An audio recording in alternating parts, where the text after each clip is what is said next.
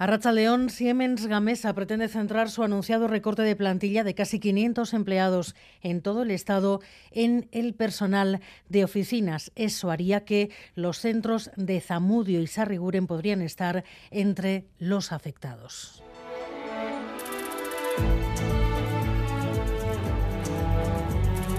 Gambara con Arancha García.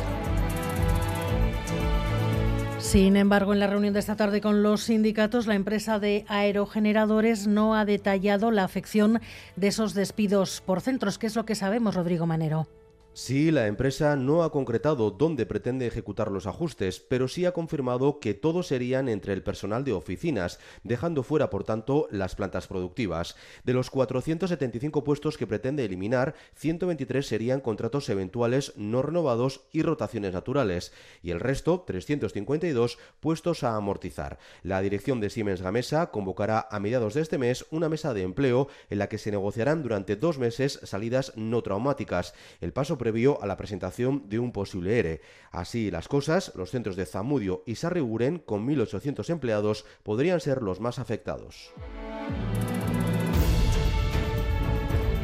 Y PSOE y Podemos acuerdan los presupuestos con los que certifican que quieren agotar la legislatura. Aumenta el gasto social, las pensiones subirán en torno al 8,5%, habrá nuevos permisos para cuidados familiares y otro año de trenes de cercanías gratis. Pero también sube el gasto en defensa, nada más y nada menos que un 25%, Miquel Arregui.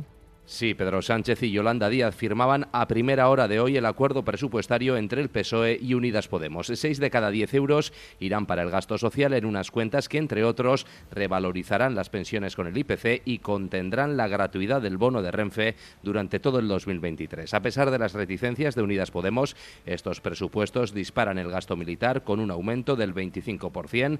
Las cuentas llegarán al Congreso en los próximos días, donde el Gobierno de coalición espera contar con el apoyo de las fuerzas nacionalistas, independentistas y de izquierdas, para las que todo indica serán los últimos presupuestos de esta legislatura. Y tras el pinchazo de agosto, en septiembre ha bajado el paro y ha subido con fuerza la afiliación a la seguridad social. A pesar de las incertidumbres, la vuelta a la actividad del nuevo curso nos deja casi 7.000 cotizantes más en la comunidad autónoma vasca. Es el mejor septiembre de toda la serie histórica. Y además la Comisión Europea ha dado su visión sobre la gestión que hizo el gobierno vasco del vertedero de Zaldívar antes y después del derrumbe. Bruselas avala la gestión. En concreto, se señala que, según la investigación iniciada en 2020, las autoridades competentes tomaron las medidas necesarias para garantizar el cumplimiento de la legislación de la Unión Europea en particular en lo que se refiere a la concesión de la autorización de la empresa explotadora de vertedero y en la realización de controles, seguimiento e inspecciones periódicas del cumplimiento de las condiciones en la fase de explotación del mismo. Y cambios en la dirección de Macunde. Miren, el Garresta sustituye a Izaskun Landaida, que deja el cargo tras una década al frente del Instituto Vasco de la Mujer. Aquí en Gambara, además, en unos minutos vamos a analizar con Miguel Lorente, el exdelegado contra la violencia de género, la sentencia del Supremo que rebaja la pena al asesino de Maguet. Nos preguntamos si falta perspectiva de género en los tribunales.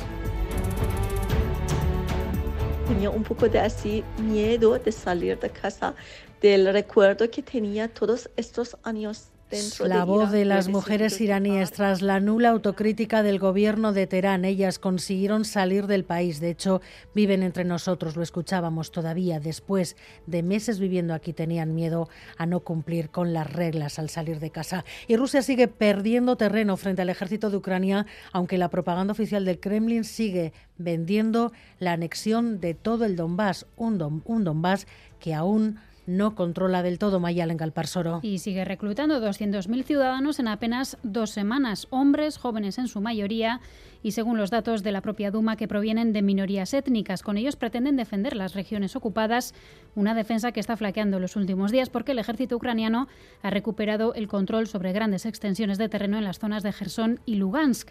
Además, el Senado ruso ya ha aprobado la anexión de los cuatro territorios ocupados por su ejército, algo que permite al Kremlin justificar su defensa frente al avance ucraniano. Y nos vamos en directo a Tabacalera porque allí se ha celebrado esta tarde la entrega de los premios Gure Artea 2022 de artes plásticas y visuales, que en esta ocasión han reconocido el trabajo de las artistas Maripuri Herrero y Nora Aurrecoechea y la productora y editorial con Sony. Ainara Ortiz está en Tabacalera. Rachaldeón, Ainara. A León, pues sí, acaba de terminar el acto de entrega de los premios aquí en Tabacalera, unos premios, los Gure Sariak, que este año han cumplido 40 años, convirtiéndose ya en un referente en el ámbito de las artes plásticas y visuales en Euskadi, tal y como ha destacado Bingen Zupiría, consejero de Cultura. La artista bilbaína Maripuri Herrero, una vital pintora y grabadora de 80 años, ha recogido el reconocimiento a toda una carrera. También el galardón eh, Gure Arte Asaria, la creación artística, ha ido a parar a manos de la bilbaína Nora Aurreco Echea. Esta escultora es una de las nuevas referentes de la nueva escultura vasca y también con Sony, una editorial y productora de arte especializada que tiene su sede en Bilbao, con 25 años de andadura, ha recogido el tercer premio en esta velada aquí en Tabacalera.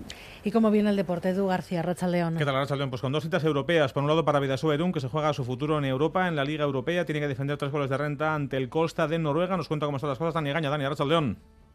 Eduardo, otros dientes de Radio Euskadi. La verdad es que como el partido de Vidasoa ha comenzado mejor los noruegos, pero poquito a poco los inundaras van igualando. Ahora mismo en el 22 del primer tiempo, es decir, 8 para el descanso, empate a 9. Todavía, por tanto, valen los tres goles de renta obtenidos en Artalecu para el conjunto Vidasoeiro. Y en baloncesto, primer partido europeo del curso para Bilbao Basket. Abre la fase de grupos de la Champions de la FIBA en Praga contra el Nimburg. Gorka Saavedra, cuéntanos, Arracha León. Arracha León, pues de momento un segundo mal cuarto hace que el equipo de Jaume Ponsarnau esté por detrás, eh, con eh, apenas dos minutos para el final eh, del segundo cuarto. Nimbur 31, Bilbao Basket 25. Y un apunte más de fútbol. Noticia destacada de la tarde. Víctor Laguardia regresa al Deportivo a la vez. El capitán aragonés, capitán del club albiazul, se había quedado sin equipo tras finalizar su contrato con el propio Deportivo a la vez. Al acabar la pasada temporada no hubo acuerdo de renovación. Bueno, pues al final se ha firmado ese contrato por lo que queda de la actual temporada y por la siguiente. Bueno, pues las cosas del fútbol. Llegar tarde al trabajo 176 veces en seis meses, es decir, todos los días menos cuatro en un año en esos seis meses es causa de despido. Un tribunal asturiano dice que no. Vamos con los detalles del caso, David Beramendi. Sí, llegó tarde a trabajar 176 veces en un periodo de unos seis meses. A veces eran unos pocos minutos, pero otras veces llegaba varias horas más tarde. Su empresa, una clínica oftalmológica de Oviedo, la despidió de forma fulminante. Pues bien, ahora el Tribunal Superior de Justicia de Asturias condena a la empresa a readmitir, o en su caso a indemnizar con casi 25.000 euros a esta trabajadora. El tribunal no pone en duda la tardanza reiterada de la operaria. El registro de entradas y salidas no miente pero sí censura que antes de despedirla la empresa no la amonestara o advirtiera. Es decir, cree que el despido fulminante es una medida desproporcionada. Si no hubo amonestación previa, el tribunal considera que la empresa consentía tácitamente este comportamiento o al menos no lo consideraba relevante. Eso sí, por si acaso el tribunal aclara, esta sentencia no quiere decir que un trabajador tenga derecho a llegar tarde al trabajo, sino que ese incumplimiento debe tener una respuesta proporcionada, como por ejemplo a percibir al trabajador de que su actitud pues no es la adecuada.